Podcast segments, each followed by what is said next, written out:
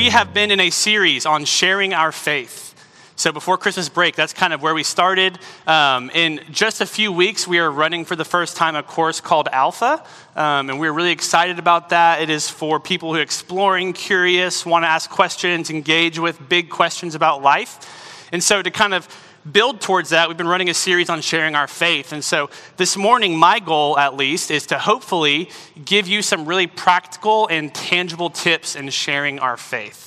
I don't know about you, but there's been a lot of times where I've been in like a church series or even just a church morning, and I've left and I've been like, man, I am like ready to go and like do the thing.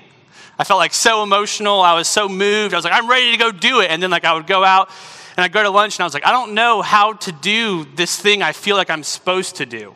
I don't know if you've ever experienced that, but sometimes in church, at least in my experience, we haven't been the best about practically equipping us for the things we're talking about doing. We've just been um, kind of settling for making people feel really moved. Um, and that's a good thing to feel really moved. But I hope this morning that when you leave here, you have some um, tangible things to kind of get the dirt under your fingernails, if you know what I'm saying. Does that sound good? Cool. Sam's in. All right. So, this morning our passage is 1 Corinthians chapter 9, okay? If you want to go ahead and turn there, you can turn there. While you're turning there, I want to give you some important context about it. If you don't know, um, this is one of Paul's letter to a church in Corinth, all right? Um, he wrote a couple letters to this church in Corinth, and um, this was right when like churches were starting to form after the death of Jesus, pretty early on in the life of the early church. And the church in Corinth was a church that had a bit of a reputation, all right? Um, it was known for some things kind of around the ancient Near Eastern world.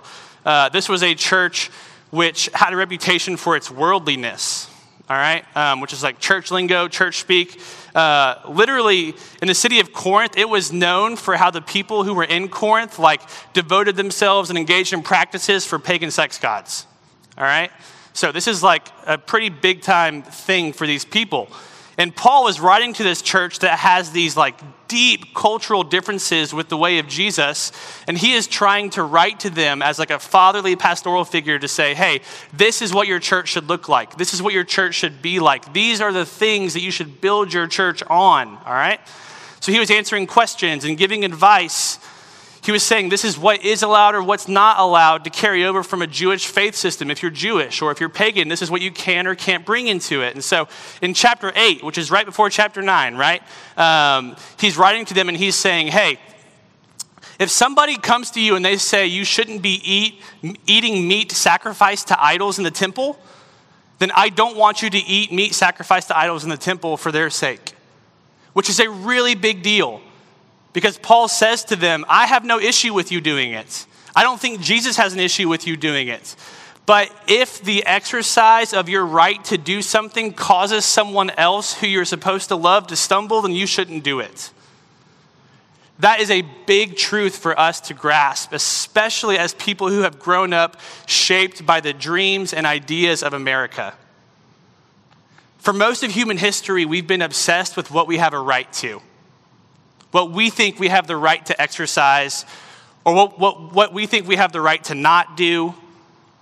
And in Paul's letter to the church in Corinth, one of the foundational letters for this entire church, he says that one of the defining marks of a follower of Jesus is forsaking the right to something for the sake of another, or denying yourself something for the sake of another, even if you have every right to it. This is a radically different worldview. You see, true discipleship does not settle for no one can take this from me, it's my right.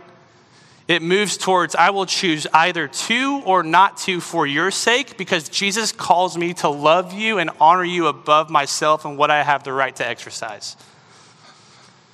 So, with that kind of foundation, that leads us into chapter 9. If you're able to, I want to invite you to stand with me as we read our text for this morning. We're going to start in verse 19. So, chapter 9, verse 19. Though I am free and belong to no one, I have made myself a slave to everyone to win as many as possible. To the Jews, I became like a Jew to win the Jews. To those under the law, I became like one under the law though I myself am not under the law, so as to win those under the law. To those not having the law, I became like one not having the law, though I am not free from God's law, but am under Christ's law, so as to win those not having the law. He's saying the law a lot. This is a big deal for them, all right? To the weak, I became weak to win the weak. I have become all things to all people, so that by all possible means I might save some. I do all of this for the sake of the gospel that I may share in its blessings. And then your Bible probably, if you're reading it, has this thing that says the need for self discipline or something like that, right? That's the editor's notes. It makes it seem like it's a separate thought, but I like to think that this was a continuation of Paul's thought because when he was writing this, that wasn't there, right? It was just him continuing his thought. He says, Do you not know that in a race all the runners run, but only one gets the prize? Run in such a way as to get the prize. Everyone who competes in the games goes into strict training. They do it to get a crown that will not last, but we do it to get a crown that will last forever. Therefore, I do not run like someone running aimlessly. I do not fight like a boxer beating the air. If he was writing this in today's world, he would say, I do not dink a pickleball without purpose, right? No, I strike a blow to my body and make it my slave, so that after I have preached to others, I myself will not be disqualified for the prize. And that is the word of the Lord through the Apostle Paul to the letter to the church in Corinth for the church of God this morning. You can have a seat. So, this passage, I think we can take some really important things from. Primarily, this communicates that the method that we communicate the gospel, it's really important. It just is. How we communicate what we communicate.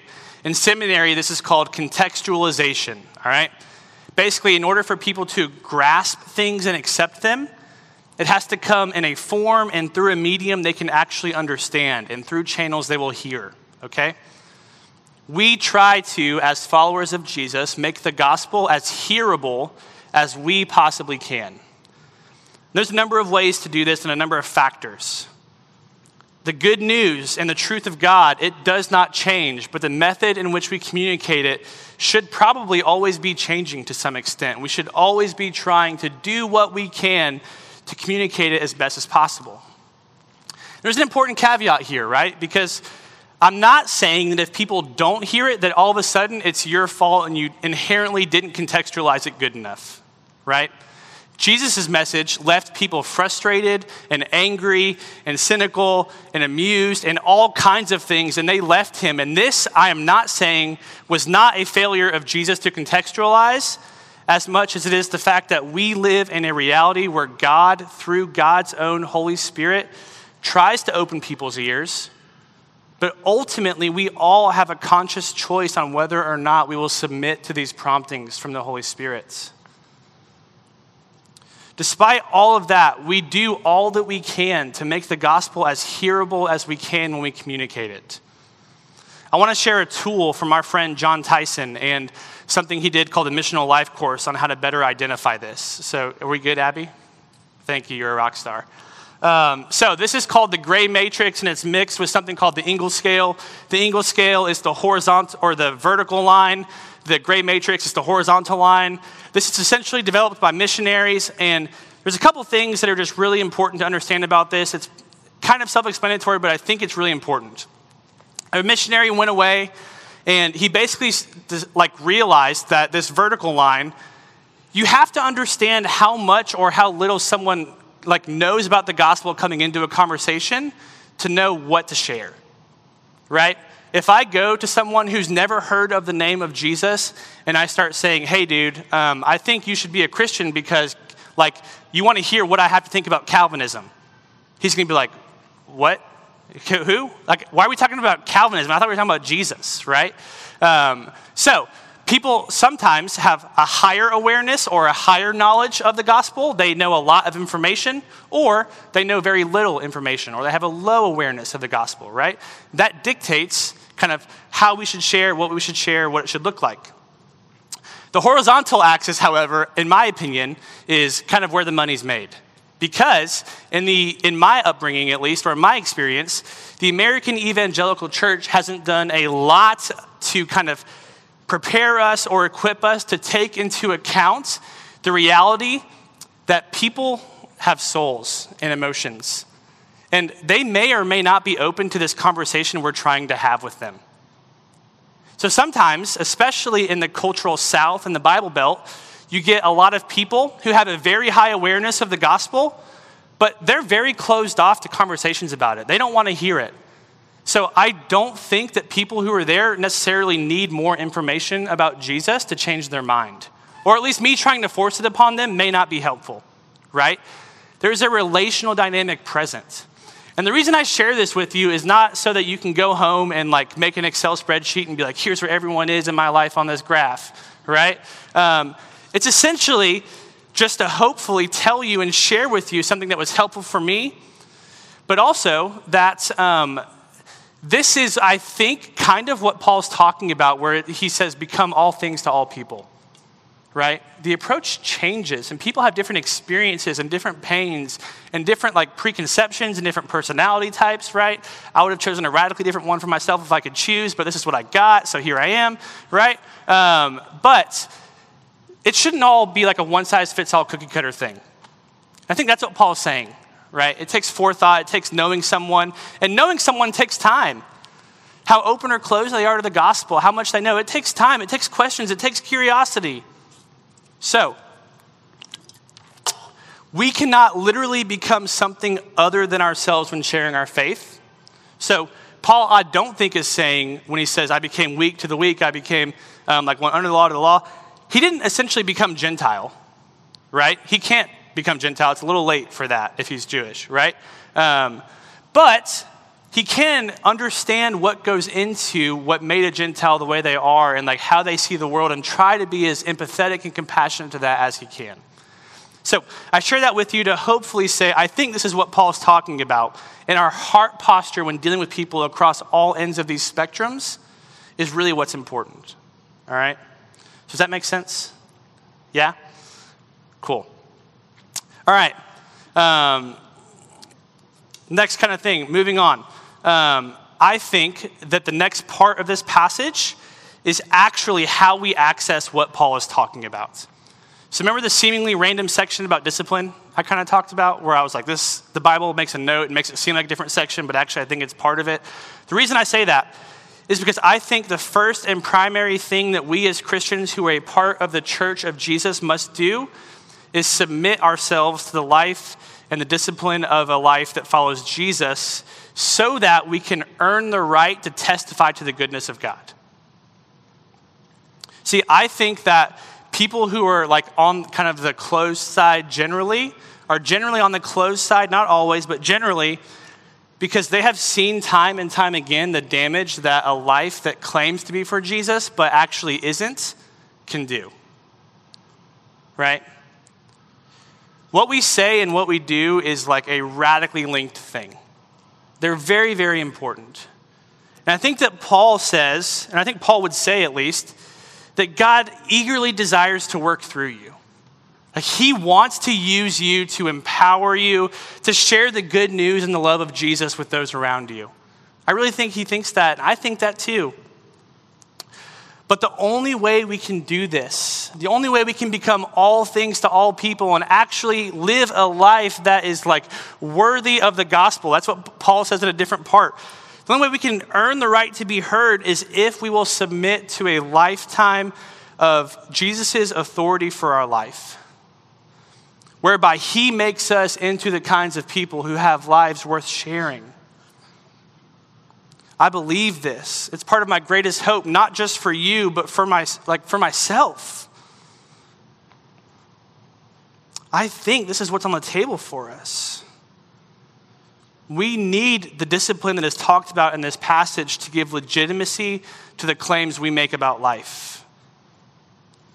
Self denial for the sake of others, as we talked about in chapter 8, that is foundational to the way of Jesus. And self denial for the sake of others does not come easy, at least not to me. I don't know about you. Um, it's not like the first thing I wake up thinking of, right? Usually it's like, what do I want to eat? What do I want to drink? What do I want?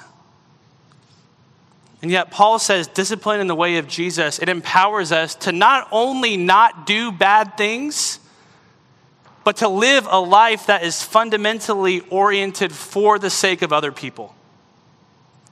That is the love of Jesus that we are called to walk in and embody. And discipline is like a bad word to the parts of myself that still have a lot of maturing to do. I will go first and be honest. I am not big on like discipline for the sake of discipline's sake. I wish I was. In my head, like I, my idealistic version of myself, I am. I'm not. All right? I wish I was. I have seen up close just how undisciplined I can be recently and how happy I am to kind of coast along the surface of life, let companies monetize my attention span for their own sake, to live a life that is like just honestly kind of futile, just distracted, coasting along the surface. That's kind of what I default to. But I think with a million small decisions over a lifetime, or as Eugene Peterson calls it, a long obedience in the same direction, then we will become the kind of people I believe we were created to be, which is co rulers together as one body with Christ over God's creation, ushering in the kingdom of God, helping the King of the universe reclaim and refine the lost children. I think we can be people who, in seemingly mundane conversations, get a glimpse into the supernatural resurrection in someone's life that we don't like to talk about that often because honestly, it's more than we can dare to hope for. Like, who can even dare to hope for seeing the kingdom of God break in in the lives of those around them, right? I know for me, I don't want to live with the disappointment of not seeing that. So it's easier to just close myself off in cynicism and just skate along the surface. But this life, this blessed assurance that we find from a life hidden in Jesus, that is only accessed through the discipline of following Him, this is what allows us the freedom to be all things to all people. To hear perspectives from all across the ideological spectrum and not lash out in like an insecure self preservation, but to learn how to ask questions with compassionate and holy curiosity, which is what I think Jesus did a lot. Because you see, sharing our faith, while it's ultimately a declaration about how we see the universe and what we think the reality of the universe actually is, in my opinion, is always intended to be shared through a non coercive curiosity, especially in a context which is as hurt, bruised, and jaded as ours. We have to exercise great care to not be surprised when someone says something that offends like a foundational part of our worldview. People don't see the world the way we do if we're Christians. That is okay. Not only that, we're not going to take their disagreement or like their difference as permission to engage in ideological warfare, especially ideological warfare the way the world practices it. We don't use coercion or manipulation or blunt force trauma or shame to change people's minds. Fundamentalism, in my opinion at least, is rampant on both sides of the political ideological spectrum. And it essentially says if you don't think this, you are bad and you're what's wrong with the world. And followers of Jesus refuse to submit to that. There is a better way for us to humbly and compassionately discuss the things about life that we're all wondering. We are gentle, and yet we are stable.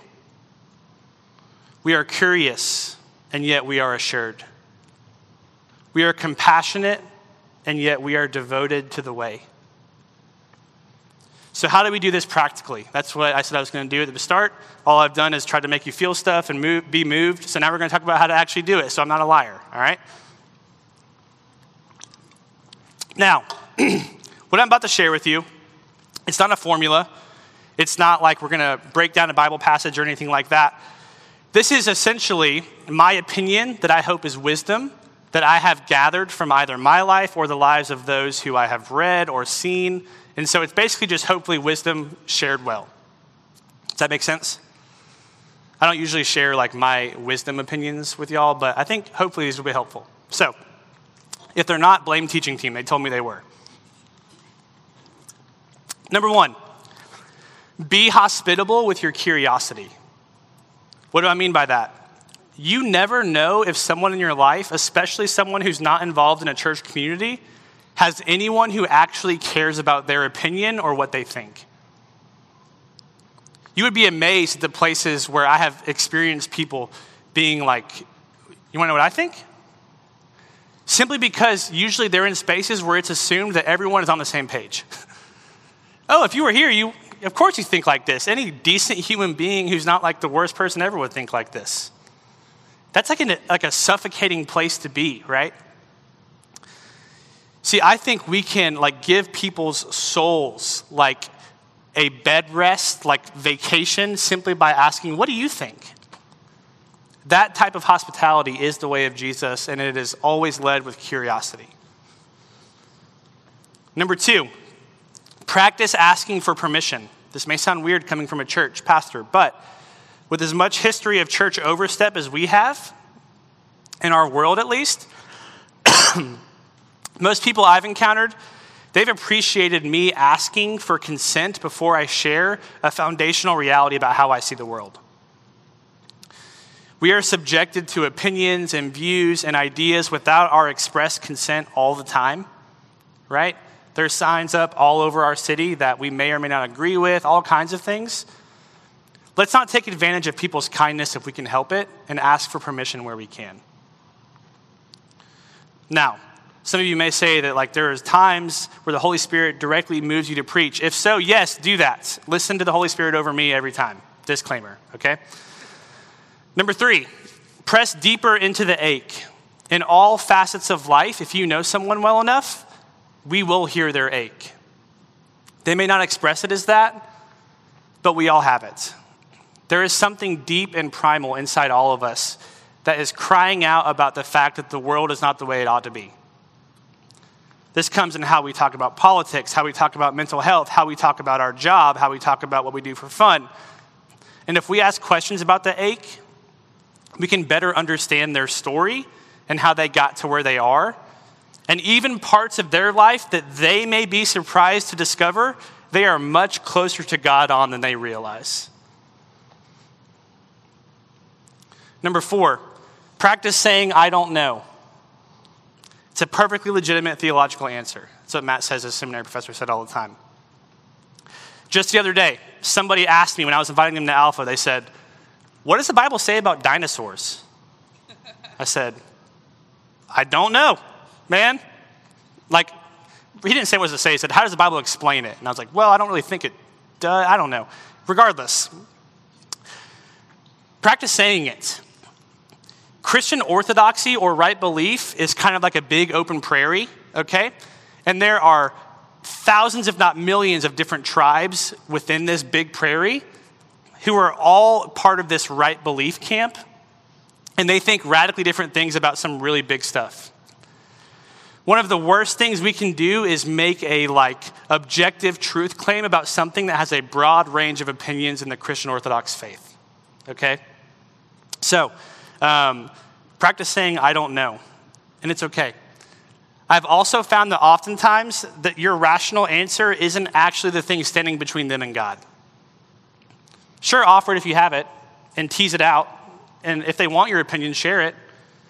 When my friend asked me, I talked to him about Genesis and how I read Genesis and how I thought it was a divine human partnership and how I think it's meant to be read in the original author's context and all of this stuff. But you know what? Despite having preached on Genesis and having, I think, some really compelling arguments, we didn't finish that conversation and he wasn't like, okay, I'm following Jesus now, you solved it all. Right? I think more important than that was the time we spent together wrestling through life's complex questions. And me being honest enough to say, I don't know when I don't know. Because truthfully, I don't know about dinosaurs. I wish I did. Number five, be patient with yourself and remember your job is to be a friend and a witness, not a salesperson. You're not trying to close the deal in a certain amount of time.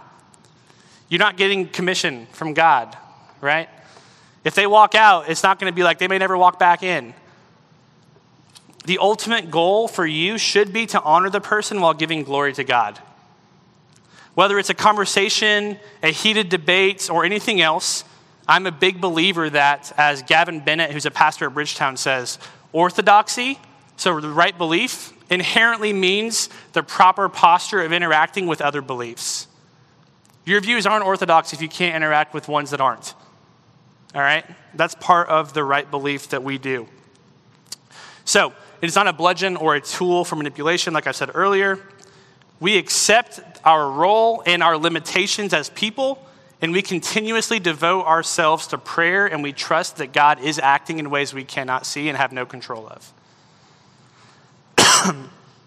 Number six, don't totally avoid online and social media, but be very weary of the comment section. Unless you're on BeReal, everything on that app is real. Am I right? I'm new on it. I have like five followers. Um, um, so, this is a lot for myself too. The point you're making, it probably isn't as good as you think it is.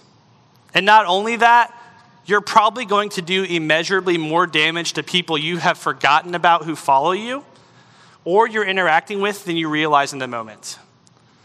Social media is a very particular medium, and it rarely carries with it, in my experience, the nuance necessary for the like enormous weight of some of the conversations we're trying to have on it.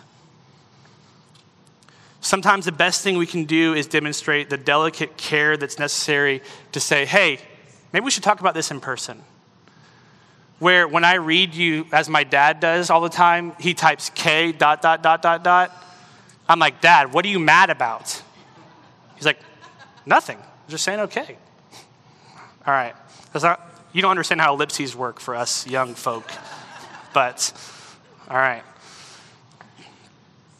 I don't think we should be dunking on people either in general statements or hyper specific attacks on social media because personally, I don't think Jesus' chief concern was appearing witty or smart or better than. I don't know. I could be wrong. As I said, this is my opinion. That's just how I see it. All right. Lastly, number seven, trust that God is doing something you may not see or even understand in the moments. Jesus is talking to his disciples about the reality that they shouldn't deny the Father in front of people. And he says the Holy Spirit will give them words to say in the hour of need. The question for you this morning is do you believe that? The Holy Spirit is actually working when we do not see the Holy Spirit working. The Holy Spirit actually gives us words to say in moments, and we listen to the Holy Spirit. This is part of why I'm excited that we're going to be doing a prayer course um, in our discipleship workshop starting next week kind of before service at nine. But for a lot of us, we grew up where prayer was just kind of asking God stuff, like a glorified, more powerful kind of letter to Santa. You know what I mean? It's like you have a letter to Santa, but for all things in life, eh, the whole year, whether you're good or bad. Um, but prayer, I think, so much more than that, is a constant awareness of God's presence and the fact that God is active and moving in the world and so I think that when we have that view of prayer, we can say that like we are in constant connection to the source of life, the good, beautiful God of the universe, and God will, through God's Spirit, give us the words. Now, with that being said, there are some questions that are really hard to answer. And I get why you would have anxiety about answering some of them. In fact, I get it so much, that's why we're running Alpha, right? Because sometimes some of the big questions, some of the big things we're wrestling through, they like deserve a ton of time and attention. And a level of expertise that, quite frankly, I don't think I'm intellectually capable of most of the time. And that's okay. There are people who can do that. The body is a beautiful thing. But I do believe the Holy Spirit will inspire you with something incredible to say in the moments if you just listen. Believe it or not, I got asked by dinosaur or about dinosaurs for a second time this week. I don't know why the theme was dinosaurs this week, but I have a friend who, um, who I play pickleball with, and he grew up in the church his entire life. His dad's a pastor. And he said, Hey, I just uh, read through the Bible and wrote down every question I have. What do you think about dinosaurs? And I was like, What is happening? like, are we in like a cycle of the Jurassic Park movies? Like, what's going on, right? Um, Anyways, rather than what I said to my other friend, for whatever reason, and if you know me really, really well, you would know that this is not my first instinct. I'm like a very security oriented person, okay? I don't like instability. I don't like giving people the power or even opportunity to like destabilize my foundational worldview stuff. I like to very much be in control of that, okay? Um, he asked me that, and I said, That's a really good question. What do you think? And I like said it and I was like, who am I? Right? It's like this guy could literally be like, well, I think it makes the entire Bible not true. And I would have been like, wow, yeah, okay. You know? I don't know. He didn't say that, but I gave him the opportunity to. I don't know where that came from, except for the Holy Spirit's. Like, that is what I think is on offer for us in life is the opportunity to respond and to try to be all things to all people in the moment through the power of the Holy Spirit through whatever they need. And that's what I hope at least you think is on offer for your life this morning. So as we head to communion, hopefully those seven things are helpful. Hopefully, this isn't a sermon where you leave and you're like, man, he promised me I was going to have at least an inkling of what to do, and I have nothing, right? Because um, my goal, my hope was to give you some practical stuff. So, as we head to communion this morning, which if you've never taken it with us this morning, or if you've never taken it with us before, uh, it's on the tables around you. You can just grab the bread and the juice. You can take it with those around you. You can circle up. You can pray with us. We'll be in the back. You can do kind of anything. Um, it is the body and blood of Jesus broken and poured out for us. And so um, we think that it is best taken together in community. And that's why we do it every Sunday morning. Um, but as we head to communion, I want to invite you to consider um, where is God calling you into this in your life? Is it self discipline?